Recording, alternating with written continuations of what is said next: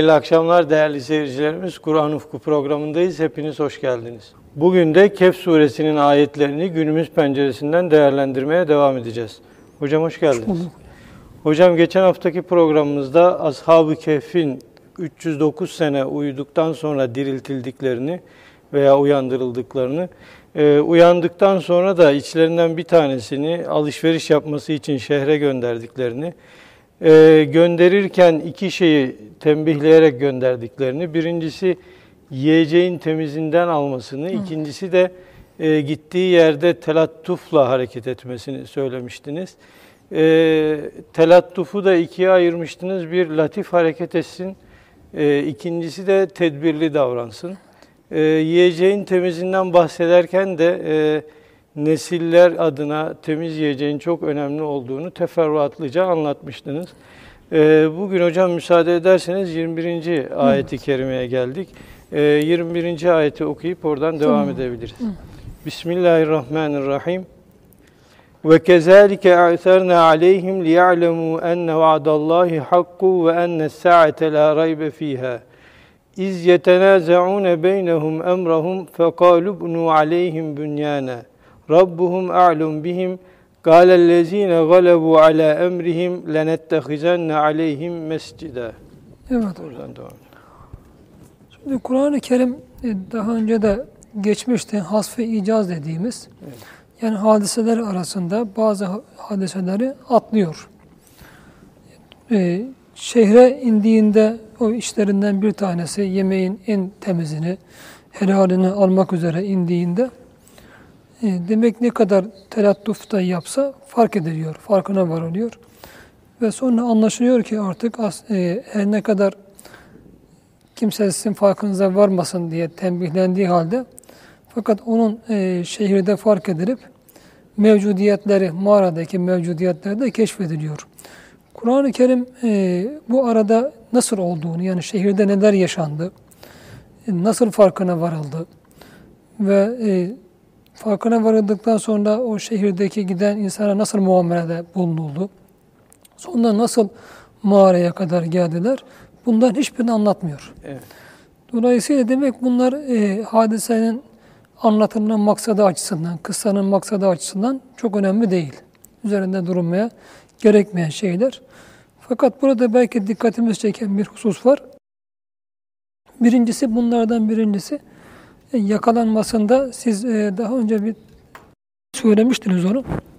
Yakalanmasında paranın bir rolü. Evet. Yani kendisine e, bir sikke 300 sene öncesinden basılmış bir sikke yani bugün için define diyebileceğimiz yani evet. bir sikke para yakalatıyor ve e, ne kadar ashab-ı keyif elbette hiçbir zaman dünyaya düşkün, paraya düşkün insanlar olmadıklarını hatta önlerinde çok parlak dünya adına bir hayat olduğu halde bunların tamamını itip Allah adına kıyam ettiklerini ifade etmeye çalışmıştık. Buna rağmen e, paranın onları yakalatması bir manada tabi hususi bir anlamı var. Üzerinde durulması gereken bir anlamı var. E, bu ayette de inşallah dikkat çekmeye e, çalışacağım. E, en güzel e, başlamış hizmetleri, en iyi niyetlerle safiyane başlamış hareketleri genellikle bitiren para olmuştur. Yani e, sebeplerinden birisi, en önemli diğer sebeplerinden birisi insanların dünyaya yönelmeleri olmuştur. Bu konuda Efendimiz sallallahu aleyhi ve sellemin bir hadis-i şerifleri de var. Dünya bana diyor bütün zinetiyle göründü. Fakat diyor ben kendisini reddettim. E, sen beni reddettin ama seni aldatamadım. Senden sonrakileri aldatacağım dedi. Ve benden sonra diyor sizin hakkınızdaki en büyük korkum dünyanın diyor sizi aldatmasıdır. Ve burada Hazreti Ebu Bekir Efendimiz bahsi geçmiş de bunun e, bir Ramazan akşamı iftarını açarken kendisine bir bardak soğuk su verilir. Evet. Onu ilk yudumunu aldığında birden hemen geri çıkarır ve ağlamaya başlar ve bu halsizlik eder. Ben Resulullah hayatında soğuk su içmedi. Ben endişe ederim ki dünyanın aldattığı insanlardan olurum e, diye o soğuk suyu da içmiyor. İçtiğinde geri istifra edip çıkarıyor. Ve Hazreti Ebu Bekir Efendimiz'i aldatamadı. Hazreti Ömer Efendimiz'i aldatamadı. Fakat daha sonrası için aynı şeyi aynı seviyede söylemek pek mümkün değil. O bakımdan e, burada Kur'an-ı Kerim buna dikkat çekiyor. Bizim için önemli. Biraz da sanki toplumun önünde olan insanların Özellikle evet, özellikle onların e, dünyaya dalmalarından, dünyevileşmeden muhakkak şekilde kaçırmaları lazım. Dikkat edilmesi lazım. İkincisi bu Hz. Yusuf e, Aleyhisselam'ın kıssasında bunu görüyoruz. Hz. Yakup Aleyhisselam evlatlarını 11 tane evlat oğlunu Mısır'a gönderirken Hz. Yusuf'u nihayet bulmak üzere Mısır'a gönderirken şehrin farklı farklı kapılarından girin diyor.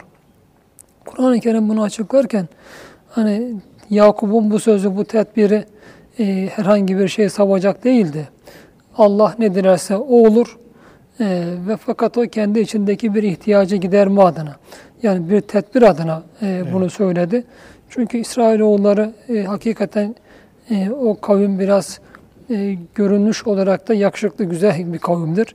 E, öyle insanlardı, görkemli insanlardı. Demek Mısır'da dikkat çekici, dikkat çekici bir olacaktı girmeleri. Aynı zamanda 11 kişinin bu şekilde bir arada girmesi elbette bir ülke içinde dikkat çekebilirdi. Bir korunma adına Allahu alem Hz. Yakup Aleyhisselam bu tembihte bulunuyor. Burada bunu görüyoruz. Çünkü gelecek sayfada ayetlerde de aynı hatırlatma yapılacaktır. İnsan e, tedbir almak sonuna kadar vazifemizdir. evet. Fakat kader yine yapacağını e, hükmünü icra eder. E, Cenab-ı Hakk'ın muradı neyse zaman için asıl olan Cenab-ı Allah'ın meşiyetidir. O bakımdan Hz. Üstad bunu çok güzel ifade ediyor.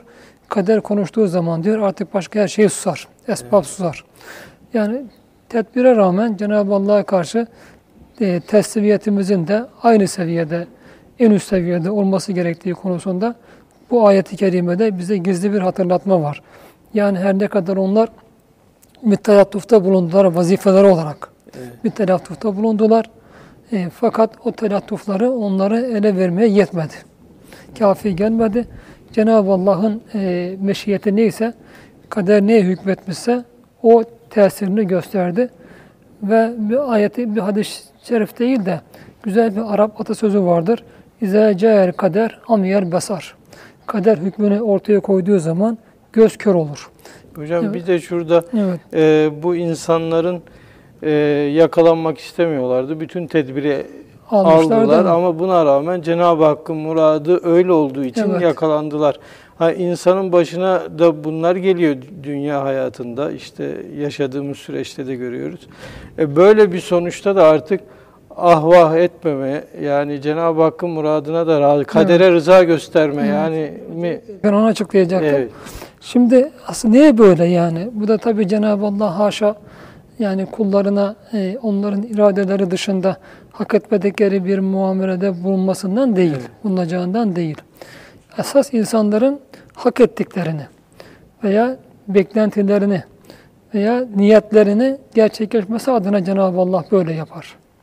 Yani çünkü bunların niyetleri ne oldu? İşte bu ayette bunu görüyoruz. Okuduğunuz ayette. Önce onun ben kısaca bir mana arz Evet, edeyim. hocam. Ondan sonra hem de niye kader böyle hükmetti? Cenab-ı Allah meşiyet haklarında böyle hükmetti. Onun üzerinde duralım. Ve Kur'an-ı Kerim ve kezalike ile bir manada arada atlanılan bu hadiseleri dikkatimizi arz ediyor. İşte hadiseler bu şekilde oldu. Yani onlar şehre gitti elindeki parayla. En iyi yemekten ararken e, Evet. bir manada kendisini yakayı ele verdi. Yani tanındı. Bu para sebebiyle tanındı.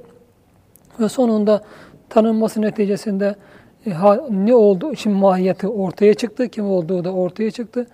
Ve artık bu insanlar e, demek artık atmosferde tamamen değişmişti toplumda. O mağaradakileri görmek üzere, tanımak üzere diğerleri mağaraya kadar geldi. Ve kederlike de bütün bunları bir özeti var. Özeti var. Ve hasf-ı icaz denilen bu arada olabilecek hadiseleri Kur'an-ı Kerim yine aklımıza havale ederek Arasna aleyhim. Ee, bunların neticesinde onları diyor muttali kıldık. Yani onları açığa çıkardık. Onları evet. ortaya çıkardık o insanları. Üzerlerindeki gizlilik perdesi kalktı. Artık onların o üzerlerindeki bütün gizlilik perdesi kalktı. Gizlenmeleri için e, sebep de ortadan kalktı. Bunları arasına aleyhim bütün manaları görüyoruz. Yani niye gizleniyorlardı? Kendileri bir manada koruma adına, ikinci olarak dinlerini koruma adına, inançlarını koruma adına gizleniyorlardı. Ayrıca o mağarada daha önce arz edilmişti belki bundan sonra ne yapacakları konusunda e, karara varacaklardı. Evet. Ve bunun için Kur'an-ı Kerim zaten bunu baştan anlatmıştı. Cenab-ı Allah'a da dua etmişlerdi. Rabbena etene min ledünke rahmeten ve hitlene min emrine raşede. Her zaman yapmamız gereken bir dua.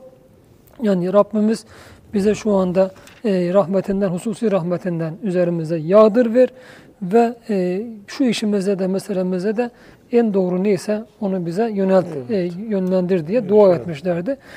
Bu şekilde mağaraya sığındılar ve Cenab-ı Allah da artık onların diyor yani bu bütün tedbirleri boşa gitti bilinmeme adına ve e, üzerlerindeki bu perde kalktı. Niye? Çünkü artık gizlenmeleri gereken ortada bir şey de kalmamıştı. Da kalmamıştı. Ve bu şekilde diyor insanları onları hallerine muttali kıldık. Niye yaptık Allah bunu? İşte şimdi niye kader böyle hükmetti? Esas bu çok önemli. Bence kıssanın en can alıcı noktalarından birisidir bu. Niye Cenab-ı Allah böyle yaptı? İnsanlar bilsinler ki gerek o insanlar yani burada evet. o zatlar yani bizzat ashab-ı keyf kanaat azenen buradaki liyalemu onlara da beraber belki diğer insanlara da bakıyor ama sanki birinci derecede çünkü aleyhim onlara diyor e, evet. insanların halini onların halini insanlara vakıf kıldık. Onların durumunu ortaya çıkardık. Liyalemu yani buradaki gizli özne yani vav'da çoğul öznesi yani onlar Arapçada bir kaide olarak en yakın zamire ilk e, bilinen isme veya zamire atfedilir. Yani ashab-ı keyf veya onlarla beraber diğer insanlar da bilsinler ki Allah'ın vaadi haktır. Buradan anlıyoruz ki o insanlar ashab-ı keyf çok merak ediyorlardı. Hani şu anda da e, insanlar merak ediyor bu süreç nasıl bitecek diye. Evet. Onlar da çok merak ediyordu. Çok azdılar. Maddi olarak çok zayıftılar. Karşılarında koskoca bir Roma İmparatorluğu vardı. Tarihin Allah-u Alem bile bilinen tarihin en uzun yaşamış. Belki en kudretli bir imparatorluğu, Roma İmparatorluğu vardı. O imparatorluğun da en güçlü dönemlerindeydi. Hz. İsa'nın arkasından giden insanlar sayıca çok azdı. Sürekli işkencelere maruzdular. Kendilerini koruma adına bugün Anadolu'nun pek çok yerlerinde gördüğümüz üzere mesela Hatay'da Asi Nehri'nin kenarında büyük bir dağ. Dağları deliyor, mazgal delikleri açıyor. Hatta oralarda merdivenler yapıp sığınıyorlar. Dağların altından mağaralar açıp mağaralara sığınıyorlar. İbadet etmek üzere Erciyes'in tepesinde bugün 4000 metre gördüğümüz üzere manastırlar, ibadethaneler yapıyorlar. Yine fakir gördüğüm yerde olduğu için arz ediyorum. Başka yerlerde benzerleri vardır. Mersinli, Silifke ve Erdemli arasında Mersin'de orada bir cennet, cehennem, direk üç mağara vardır. O cennet mağarası denize paralel olarak gider, alçalarak yani derinliğe gider. Tam dibinde e, hala ayakta duran bir manastır vardır. Orada manastır vardır. Bunlar o dönemden kalan manastırlar. Evet. Sürekli e, yakılı yakılarak cezalandırıyorlar. E, Hz. İsa'ya teşebbüs ettikleri gibi çarmıha gerilerek cezalandırıyorlar. Roma'da, hipodromlarda e, aslanlara yem ediliyorlar. Gladyatörlerin kılıçlarına yem ediliyorlar. Fakat bütün bunlara rağmen dinlerinden, inançlarından dönmeden fevkalade bir e, şey ortaya koydu. Zulmün her çeşidi koydular. var neredeyse. Her çeşidi vardı. Evet. Bu durumda acaba Hz. İsa Aleyhisselam'ın veya Cenab-ı Allah'ın kendilerine vaadi nasıl gerçekleşebilir? Hiçbir ışık yok. Yani ortada en ufak bir ışık yok. Ortalık tamamıyla karanlık, bütünüyle karanlık. Bütün bu karanlıklar içinde, bütün bu işkenceler altında, bütün bu takip altında çok az sayıdaki bir insan o dini nasıl hakim kılabilir? Bunu hep bunu şey yapıyorlardı. Sebepler bir külliye sükut etmiş. Fakat buna rağmen Allah'ın vaadine tam bir itimat içinde ya elde bütün bu işkencelere katlanarak kendi davalarını savunmaktan, o dinin tebliğini yapmaktan geri durmuyorlardı. Hakikaten o dönemin tabii tarihi de çok bilinmez. Yani bilinmiyor. Bu insanda neler yaşadıkları, neler yaşadıkları işte Kur'an-ı Kerim'deki Ashab-ı Kehf kıssasında çok daha net olarak burada görebiliyoruz. İşte bunu sürekli olarak nasıl gerçekleşecek bu Allah'ın vaadi? Bir şüphe duymuyorlardı ama muhakkak bunu soruyorlardı. Zannediyorum aynı şeyi Mekke'de bir yandan Efendimizin o müjdelerine inanan, Kur'an'ın müjdelerine inanan az sayıdaki sahabe de Allah alem bunu devamlı soruyordu. Evet. Nasıl gerçekleşecek? Hatta Hendek Savaşı'nda belki razı etmiş olabilirim.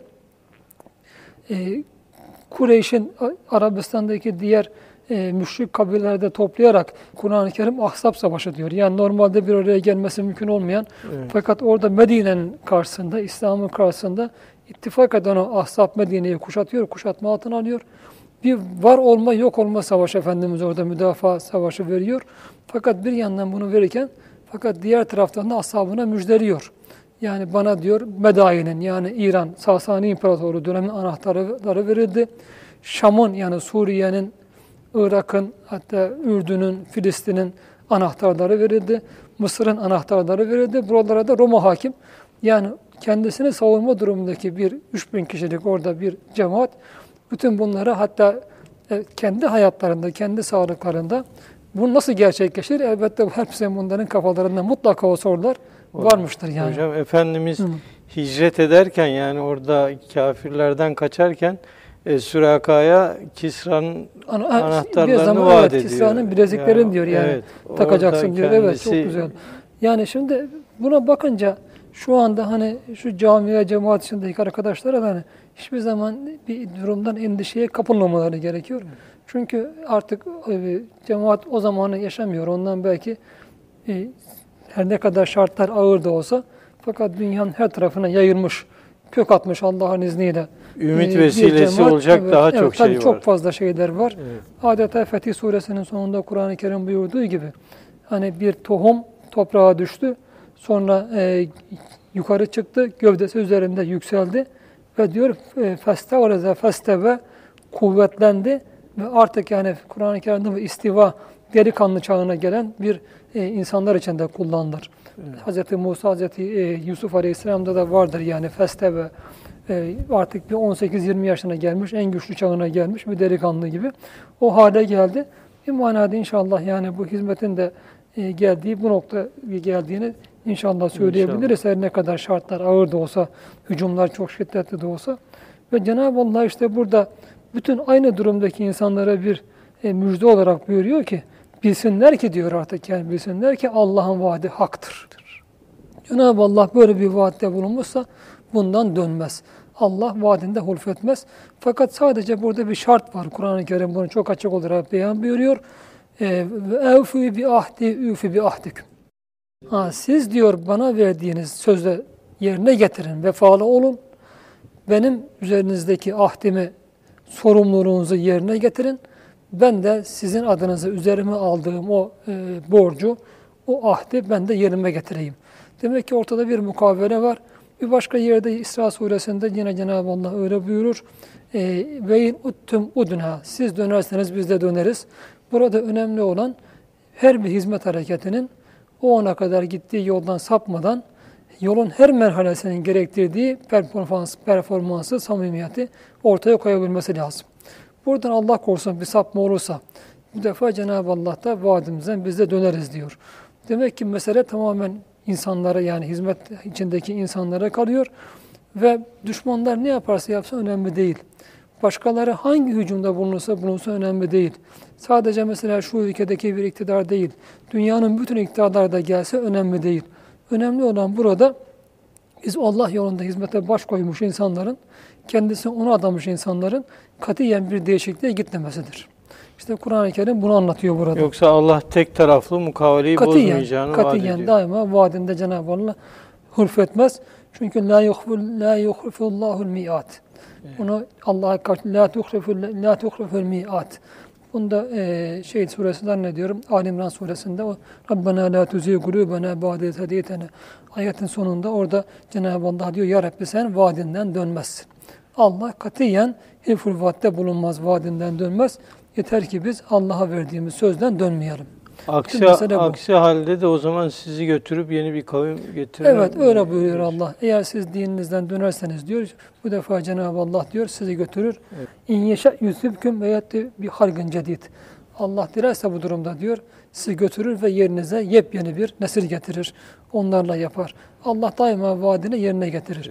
Fakat Hoca Efendi'nin yıllarca yıllarca önce yani belki bir 30-35 sene e, Yamanlarda bir konuşması var. E, e, diyor ki Allah bunu yapacak vaat etmiş sizinle yapsın. Cenab-ı Allah böyle bir şey nasip etmişse e, o zaman yani Cenab-ı Allah'ın böyle vaadi varsa yapacaksa bir defa bizimle ya, ya, olmayacaksa başkaya da yapacak. E, fakat Cenab-ı Allah bunu bir hizmetteki insanların üzerine koymuşsa onları böyle bir şeref yap etmişse böyle bir nimetten e, geriye dönmek o insan için ne kadar büyük bir hasaret olduğu herhalde çok açık ortaya çıkar. Şu ana kadar olanlar da inşallah e, bu cemaatte olacağının inşallah, göstergesidir. İnşallah. inşallah. Önemli olan cemaatin vaadinde hurfetlenmesi, yolundan dönmemesi, içten, kendi içinden katiyen bir başkalaşmaya gitmemesi. Çünkü o konuda da ayet-i kerime var. İnna Allah la yuvayyiru ma bi kavmin hatta yuvayyiru ma bi enfusihim. Bir topluluğu kendisini işten değiştirmedikçe Allah da onun durumunu katiyen değiştirmez diyor. Evet. Menfi manada böyledir, müsbet manada böyledir.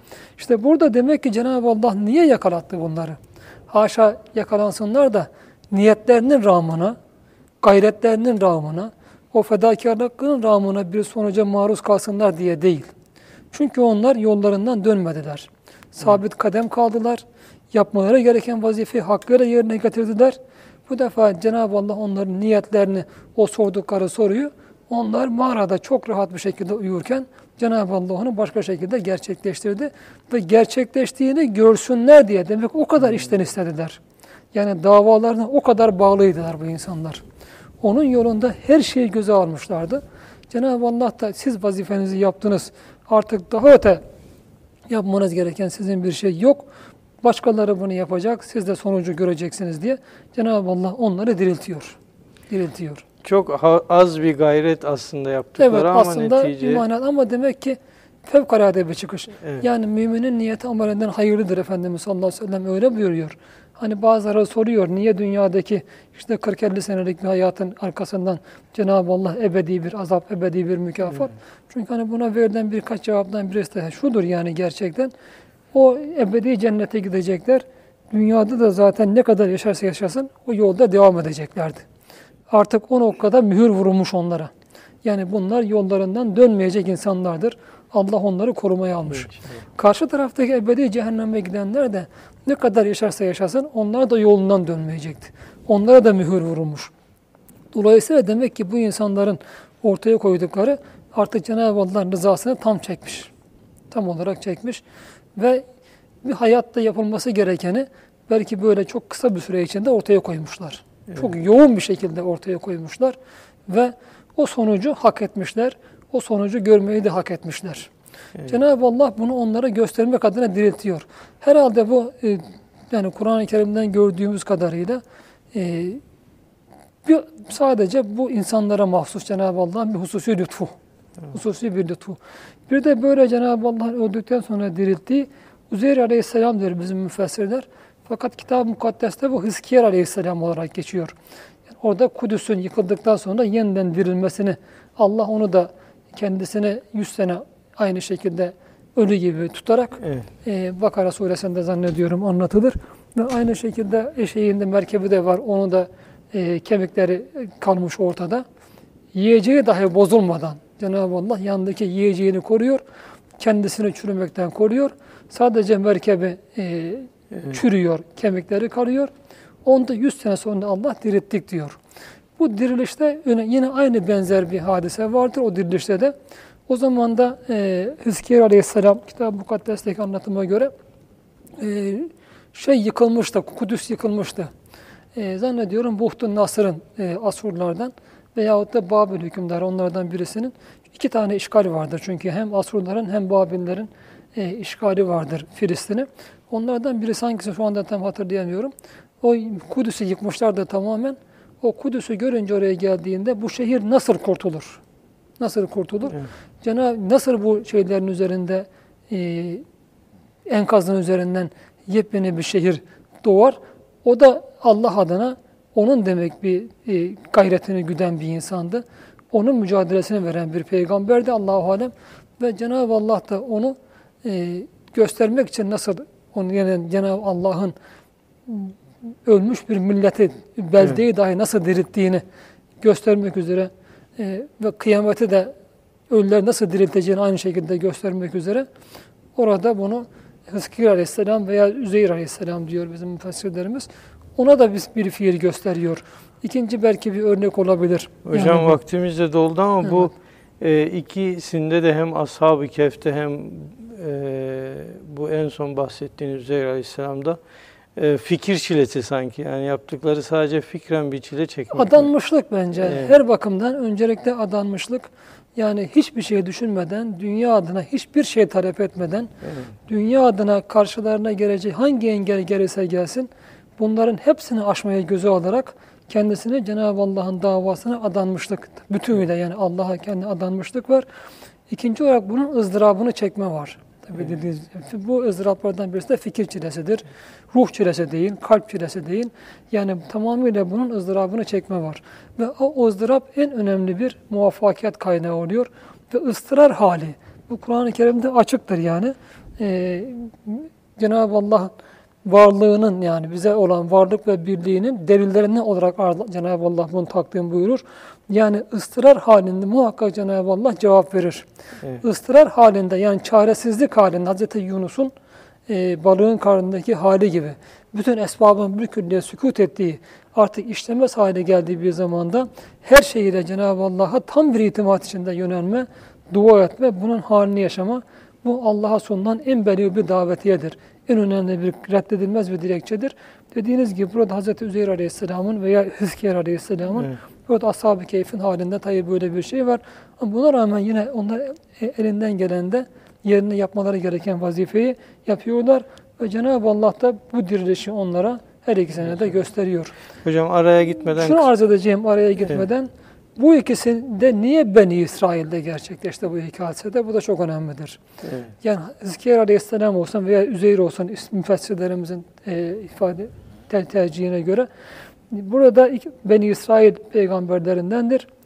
Ashab-ı Keyf her ne kadar Hz. İsa'nın İsa dininden de olsa bu yanıtlamaları. Biz Hz. İsa Aleyhisselam da Beni İsrail'e gönderilmiştir. Bir Beni İsrail peygamberidir. Ona inananlar da yine birinci derecede Beni İsrail'dendi yani. İsrail'den. İki hadise de Beni İsrail'de cereyan ediyor. Bu dirilme hadiselerinin de hocam e, mucize olması itibariyle e, ilmin ulaşacağı nokta olarak da bakılabilir mi? Gösteriyor Yani zaten bunu olabilir. Hazreti Üstad e, 20. sözde ifade ediyor. Hazreti İsa'nın mucizelerinden de, de bakın yani Evet. bu e, o mucizenin de Beni İsrail'in son peygamberi olarak yine ona verilmiş olması da öyle bir mucizenin çok önemli. Hazreti İsa'nın ruhullah olması da bu noktada çok önemli.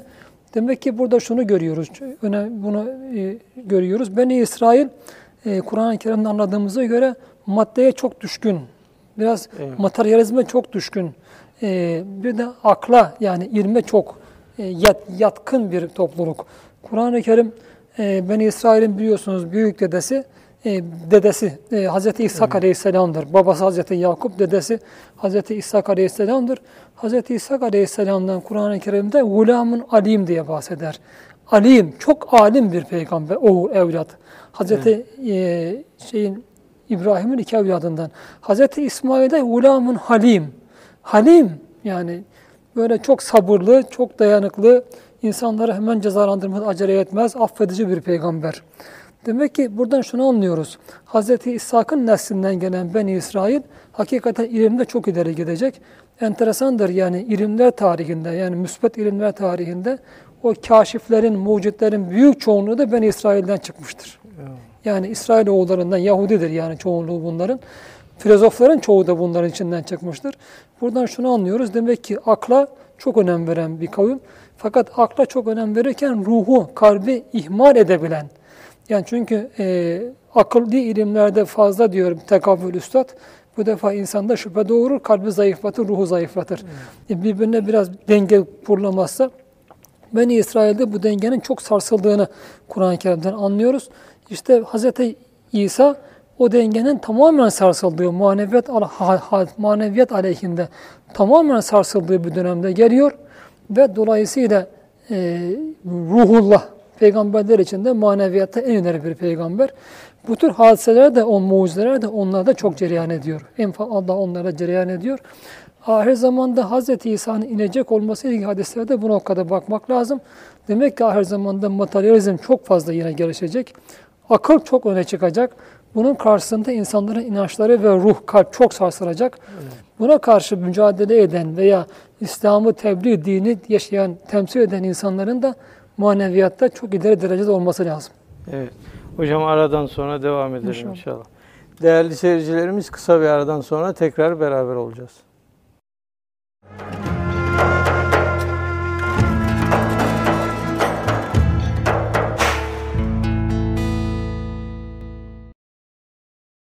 Değerli seyircilerimiz tekrar beraberiz. Hocam aradan önce Ashab-ı Kehf'in ele geçmelerinin hikmetleri üzerinde konuşuyorduk. Cenab-ı Hakk'ın neden buna müsaade ettiği, bunun Evet. mutlaka hikmetleri olması gerektiğini Evet. anlatıyordunuz. Devam edebiliriz. Yani tedbirlerine karşı niye meşiyet Evet. kader böyle hükmetti? Lehlerine olarak. Birincisi yani onların davalarının neticeye ulaştığını onlara gösterdi. Evet. Yani o e, çilelerinin e, çilelerine Cenab-ı Allah'ın verdiği mükafatı Cenab-ı Allah göstermek adına böyle yaptı. İkincisi, ikinci bir sebep var çünkü yine böyle. Ve enne saate la raybe fiha. Yani saat yani kıyametin muhakkak gelecektir ve onda hiçbir şüphenin olmayacağını Allah göstermek için yaptı. Demek insanların hani biz insan olarak en fazla zaafımız iki noktada, iman noktasında iki önemli zaafımızın olduğunu buradan anlıyoruz. Bu zaaflarımızdan birisi çok bir kişi, üç kişi, beş kişiyle daima Allah davası, İslam'ın tebliği başlar. Fakat demek Cenab-ı Allah bu insanlara vaat ediyor, vazife veriyor. Vazifeli insanlar bunlar. Her peygamber tek başına başlamıştır. Bir kişi olarak başlamıştır. Hazreti Üstad bir kişiydi başladığında. Hoca Efendi de yine e, günümüzde bu işin sahibi olarak e, o İzmir'de tahta kulübesinde 30 yaşlarında bir genç yine bir kişiydi. Çoğunluğunda da bakıyoruz Bir hocam. feta. Kendi Evet. hanımları, çocukları bile bazen İnanmayabiliyor. Hazreti Evet. Nuh'ta bunu görüyoruz. Hazreti Evet. Nuh Aleyhisselam'da görüyoruz bunları. İnanmayabiliyor bir kişiyle. Fakat demek ki bu insanlar bir manada vazifeli olduklarını biliyorlar. Ve Allah'ın kendilerine vaadin hak olduğunu biliyorlar. Bu onlara verilen bir avans oluyor. Yolun zorluğu karşısında, karşıdaki diyelim engellerin güçlülüğü, aşılmazlığı karşısında, düşmanların e, maddi olarak o devasa güçleri karşısında Cenab-ı Allah onlara bu avansı veriyor. Yani ben diyor sizinle şuraya kadar bu hizmet, bu dava gidecek. Bundan şüpheniz olmasın. Fakat bunu, işte bu noktada yürümek artık diyor size kalıyor. Burada yürüyeceksiniz. Onların da ağır bir imtihanı. Şimdi e, Hiç demek- yolundan dönen bir peygamber de yok yoktur hocam. katiyen yani. yoktur. Evet. Va- Vazifeli şahıslar da dönmez. Buradan da şunu da arz edeyim. Onlara karşı da savaş verilemez, kavga verilemez. Çünkü Allah'ın onları muvaffak kılacağına dair vaadi, vaadi vardır. Şimdi e, bunun karşılığında o insanlar burada giderken tabii çetin, çok çetin engellerle karşılaşıyorlar.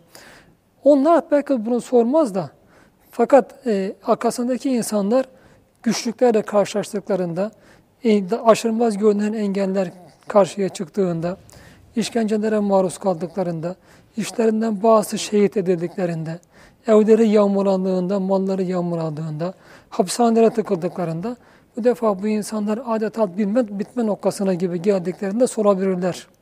Ya Rabbi vaadin haktı. İşte bunun en belirgin iki misali vardır yine Kur'an-ı Kerim'de. Bunlardan birincisi Hz. Musa Aleyhisselam'ın tam Kızıldeniz'den.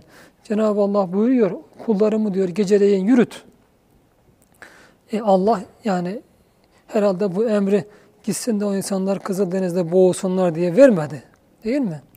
Hz. Musa'nın buna inancı tam. Fakat kavmi demek ki Hz. Musa seviyesine inanamadığından tam böyle Kızıldeniz'e gelmişler. Nasıl aş- aşacağız bu denizi? Bir, önlerinde koca bir Kızıldeniz engel. Bir de arkalarına dönüp bakıyorlar. Koskoca bir Firavun ordusuyla geliyor. İnne le mudrakun diyorlar. Eyvah yakalandık. Ama bakın şimdi demek ki kavmin Hz. Musa seviyesinde bir teslimiyeti yok. Henüz daha o teslimiyet seviyesine gelmemişler. Orada Hz. Musa tek başına diyor ki Kella inne rabbi inne ma'ye rabbi seyehdin. Rabbim benimledir. Bana muhakkak yol gösterecektir. O inanıyor ama demek ki ben diyor. Demek ki kavminden ikinci bir kişi yok aynı derecede inanan. Ama bakın bir de Efendimiz sallallahu aleyhi ve sellem aynı yakalanmıştık. Ee, Sevr Sultanlığında, Sevr'de Evet. yaşanıyor. Orada Hazreti Ebu Bekir'in üzüntüsüne yakalandık, üzüntüsüne karşı Efendimiz yakalanacak bir şey yapılacak. Peygamber Efendimiz için üzülüyor. Efendimiz orada la tahsen orada innallaha ma'iyye demiyor. Allah benimledir demiyor. Allah bizimledir demek. Hazreti Ebu Bekir'in de Efendimiz'e öyle bir imanı vardı. Sıddık. Yani o kadar inanmıştı ki her ne kadar Efendimiz adına o üzüntüyü duysa bile Allah'ın onu zayi etmeyeceğini biliyordu. Demek Dolayısıyla ki hocam e, hani yakınlık o büyük insanlar için özellikle e, akrabalık bağından ziyade fikir ve duygu birlikteliği duygu birliği, daha yakın. daha evet, düşünce birliği, Evet. inanma birliği, orada duygu birliği ve Hz. Ebu Bekir Efendimiz'de bunu çok açık görüyoruz. Hz. Musa'nın da orada bir Ebu Bekir olsaydı yanında o zaman Evet. herhalde inne ma'ya Rabbi demezdi. İnne ma'ana Rabbena Evet. seyehdina derdi. Fakat o kendisi adına Rabbim benimledir. Muhakkak yol gösterecektir diyor. Burada da sahabenin üstünlüğünü net olarak e, görüyoruz. Efendimiz de sallallahu aleyhi ve sellem burada innallâhe diyor. Hz. Musa inne Rabbi diyor. Yani Cenab-ı Allah'la münasebetin sadece bir rububiyet noktasında orada dile getirirken Efendimiz Allah'ın bütün isimlerinin tamamını iç kapsayan Allah olarak Cenab-ı Allah orada anıyor. Bu hem yani e, peygamberler arasında hem o sahabeler arasında hem ashab-ı kiramın ortaya koyduğu e, performansı da diğerlerini karşılaştırma noktasında hem de Peygamber Efendimiz sallallahu aleyhi ve sellem ümmeti olarak bizim nasıl davranmamız gerektiği konusun- konusunda bize çok ışık tutan bir ay- ayettir, hadiselerdir Evet. bunlar. Hocam bir de bu sözleriniz bana bir şey çağrıştırdı. Konuyu biraz eğer sulandırma gibi almayacaksanız. Ee, şu son dönemlerde çok sloganvari bir şey var. Yani Efendimiz'e biz seni görmeden sevdik ya Resulallah. Bir fazilet, bir üstünlük gibi sanki. O dönemde iman etmek mi daha zordu? Bugün Efendimiz'i sevmek mi daha Bu hadis-i şerifte Efendimiz sallallahu aleyhi ve sellem kardeşlerim derken, ahir zamanda geleceklere kardeşlerim derken, biz senin kardeşlerin değil miyiz? Hayır siz benim arkadaşlarımsınız diyor. Onlar beni görmeden bana inanırlar Evet. buyuruyor. Şimdi Efendimiz'i görmeden inanmanın bir fazileti vardır. Çünkü o zat inanılmayacak bir zat değildi. Evet. Abdullah bin Selam Hazretleri onu görür görmez vallahi bu yüzde yalan yoktur diye hemen kendisine inanmıştı. Ama bu riske rağmen Sahabe-i kiramın tabi Evet. hiçbir direkt değil yani bizimle. Sahabe-i kiram diğer peygamberlerin sahabeyle de karşılaştırılmaz. Efendimiz sallallahu aleyhi ve sellem diğer peygamberlerin ne kadar büyükse ki burada da muvazeneye gelmez bir büyüklüğü vardır. Bunu hem Kur'an-ı Kerim'de arz ettiğim gibi mesela işte bu demin arz ettiğim Evet. Hz. Musa ile Allah'la münasebetleri noktasında, kavmiyle münasebeti noktasında bunu iki hadisede görürken ki daha başka bazı ayetlerde de bu karşılaştırmayı müfessirler yapar. Ee, bir de Allah'ın onlara e, nasip buyurduğu muvaffakiyet. Bu çok açık görülüyor yani. Evet. Sahabeyle gerçekleşen bir muvaffakiyet tarihte hiçbir cemaat onun tırnağına daha ulaşmamıştır. Hiçbir cemaat tırnağına ulaşmamıştır. Ne Efendimizle diğer peygamberler muvazeneye gelir, ne onun sahabesiyle başka sahabeler muvazeneye gelir. Allah'ın onlarla yaptığını tarihte hiçbir kimse, hiçbir hükümdar, hiçbir devlet adamı, hiçbir komutan, hiçbir peygamber Resul gerçekleşmemiştir. Bunu e, objektif batılılar da kabullenirler. Bir Lamartin, onun e, Türklerin Tarihi diye bir kitap var. Orada bir sayfa kadar Peygamber Efendimiz sallallahu aleyhi ve sellem'i e, tavsif eder. Ben o kadar o ölçüde bir tavsif okumadım şimdiye kadar. Der ki yani va- vasıtaların azlığı, buna karşı muvaffakiyetin büyüklüğü ve e, insan büyüklüğünün iki en önemli diyor standart ölçüsü ise Muhammed'den büyüğü var mıdır diyor. Bunu batılı gözlemciler yani tarihçiler kabulleniyorlar. Çünkü dava çok büyük, güç çok az, imkan çok az, vasıtalar çok zayıf. Üç şey söylüyor. Davanın diyor büyüklüğü, vasıtaların zayıflığı, imkanın diyor çok kıtlığı az olması. Bu insan büyüklüğünün diyor üç büyük ölçüsü ise Muhammed'den büyüğü var mıdır? Aynı şey işte günümüzde çağımızda Michael Hart e, Amerika'da zannediyorum 1986'da bir kitap yayınlandı. İnsanlık tarihinin en etkili 100 kişisi diye başına Peygamber Efendimiz'i koyuyor. Bu diyor bazılarına diyor şey gelebilir. Yani garip gelebilir batıda ama Hz. Muhammed'in Muhammed'in diyor 23 senede yaptığı ve dünya tarihinde bıraktığı tesiri hiçbir kimse bırakmamıştır diyor. Hatta İsa diyor John, John Paul ile beraber e, e, Hz. İsa'dan sonra bir manada Hristiyanlığı diyelim işten de e, aslında bozan fakat o Hristiyanlık üzerinde çok büyük bir tesir yapan Jean Paul ve havarileriyle beraber onun diyor tesirinden çok daha fazladır. Şimdi böyleyse tabii bu muvaffakiyete Cenab-ı Allah herkese nasip etmez. Demek ki o insanların öyle o muvaffakiyete hak edecek bir yanları vardı ki Allah onları onlara muvaffak etti. O bakımdan yani sahabe-i kirama evet bazı hususi fazilette geçirebilir yani. Mesela sahabeden sonra gelen bazı insanlar İmam-ı Azam gibi, İmam Şafii gibi çok büyük mesela nehailer vardır e, Küfe'de. Evet. Dev insanlar gelmiştir ilim sahasında. Bunlar e, sahabe içinden çoklarını hususi bir fazilette geçebilir. Fakat umumi fazilette, genel fazilette hiçbir tarihte yaşamış cemaat sahabenin tırnağına çıkamaz. Bunu kabullenmek lazım. Burada e, demek işte birincisi Allah'ın vaadin hak olması, diğeri de kıyamet. Demek en fazla insanların itikat noktasında zaafa düştüğü şey bilhassa maneviyatı zayıf insanların zaafa bir Allah'ın bu vaadi konusunda zaafa düşüyorlar. O bakımdan işte bugün eğer bunu bilselerdi Türkiye'deki iktidar cemaatin üzerine gelmezdi. Demek bilmiyorlar yani bu e, hizmet cemaatler nedir? Allah'ın bununla ilgili vazifelendirdiği zatların hususiyeti nedir? Bunların Allah'la münasebeti nedir? Bunlara karşı çıkılır mı çıkılırsa ne olur? Demek Kur'an'la alakasız, Kur'an'la alakaları yok. Yani bakmıyorlar, okumuyorlar. Okusalar gırtlaklarına öte gidip anlamıyorlar. Ya da onlar da Ha. kendi vazifelerini yapıyor denebilir mi hocam? Belki bir kendilerini vazife. vazifeli biliyorlar, Evet, bilen yok. O da Evet. evet. İkincisi de demek insanların maddeye çok inhimak eden, yani maddeperest ve e, ruhun ve kalbin önünde kuru akla diyelim ben ona. evet. Kuru akla çok değer veren, öncelik veren pozitivist, rasyonalist ve materyalist. Bu insanların, hatta inandım diyen insanların en fazla şüpheye düştükleri konulardan birisi de demek ki ahiret ve kıyamet. İslam tarihinde dahi çok büyük insanlar, akıl insanları, büyük filozoflar, meşrahi filozoflar denir.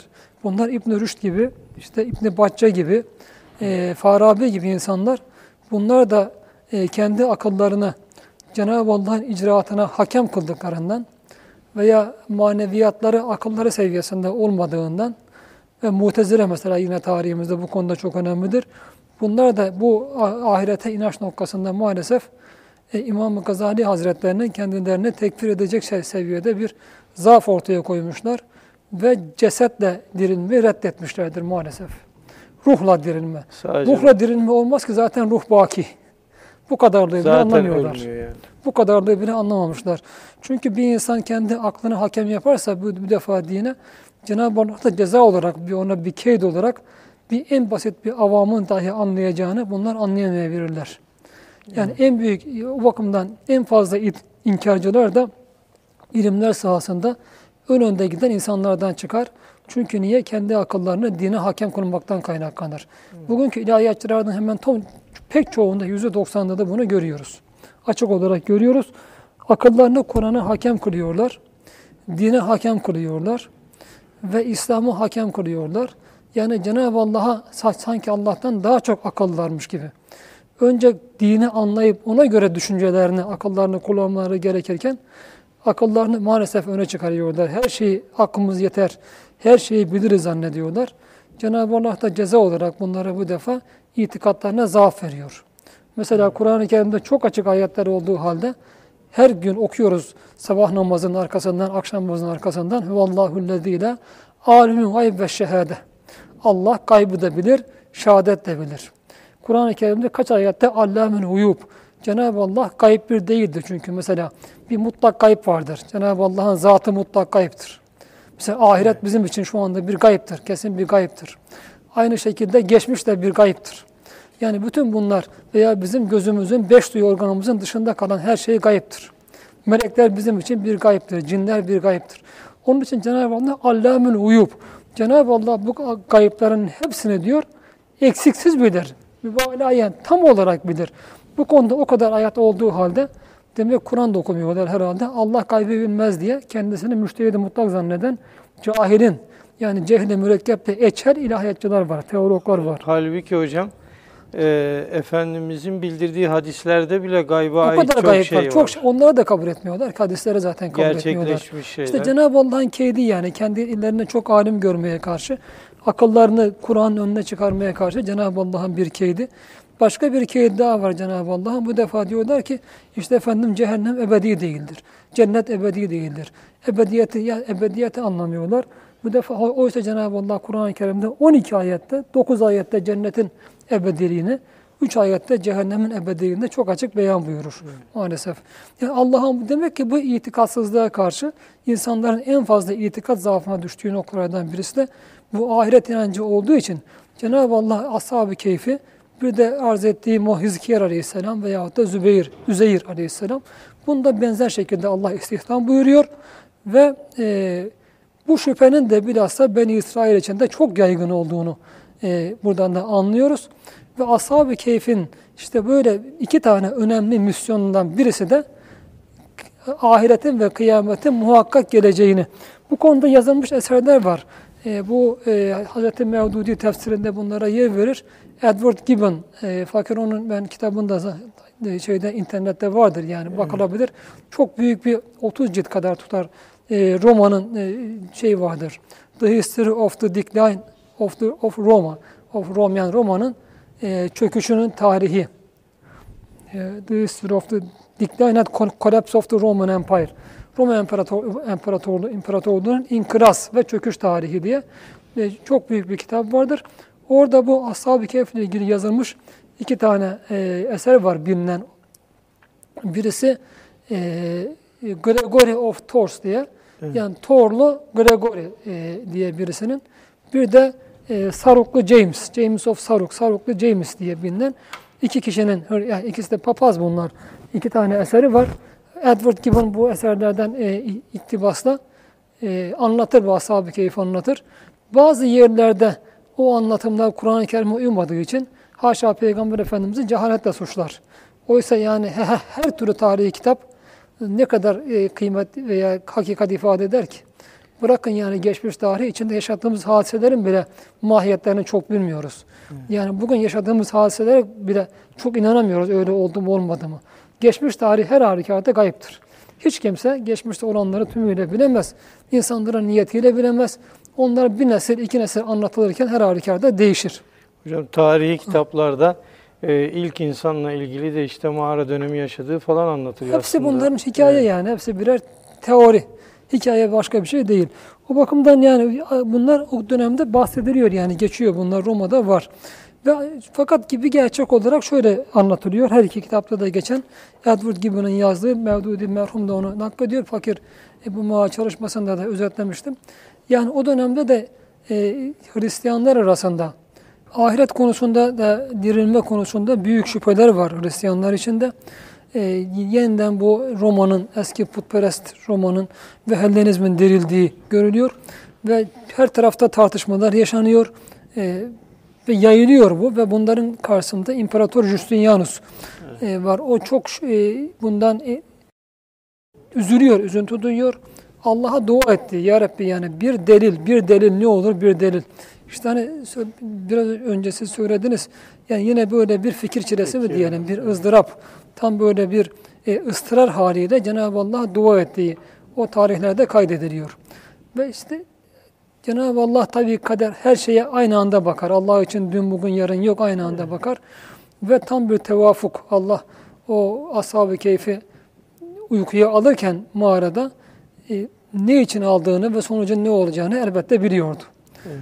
Ve bu zatları hem onlara Allah'ın vaadin hak olduğunu göstermek, onların şahsında herkese göstermek üzere Allah yeniden dirilttiği gibi bir de o dönemde İmparator Justinianus gibi veya onun gibi ahirete inanma konusunda ızdırap çeken, insanların inançlarındaki sarsıntılara karşısında ızdırap çeken ve Cenab-ı Allah'tan ahiretin hak olduğuna dair bir delil bekleyen insanlara bir delil olsun diye de Allah onları diriltiyor. Evet.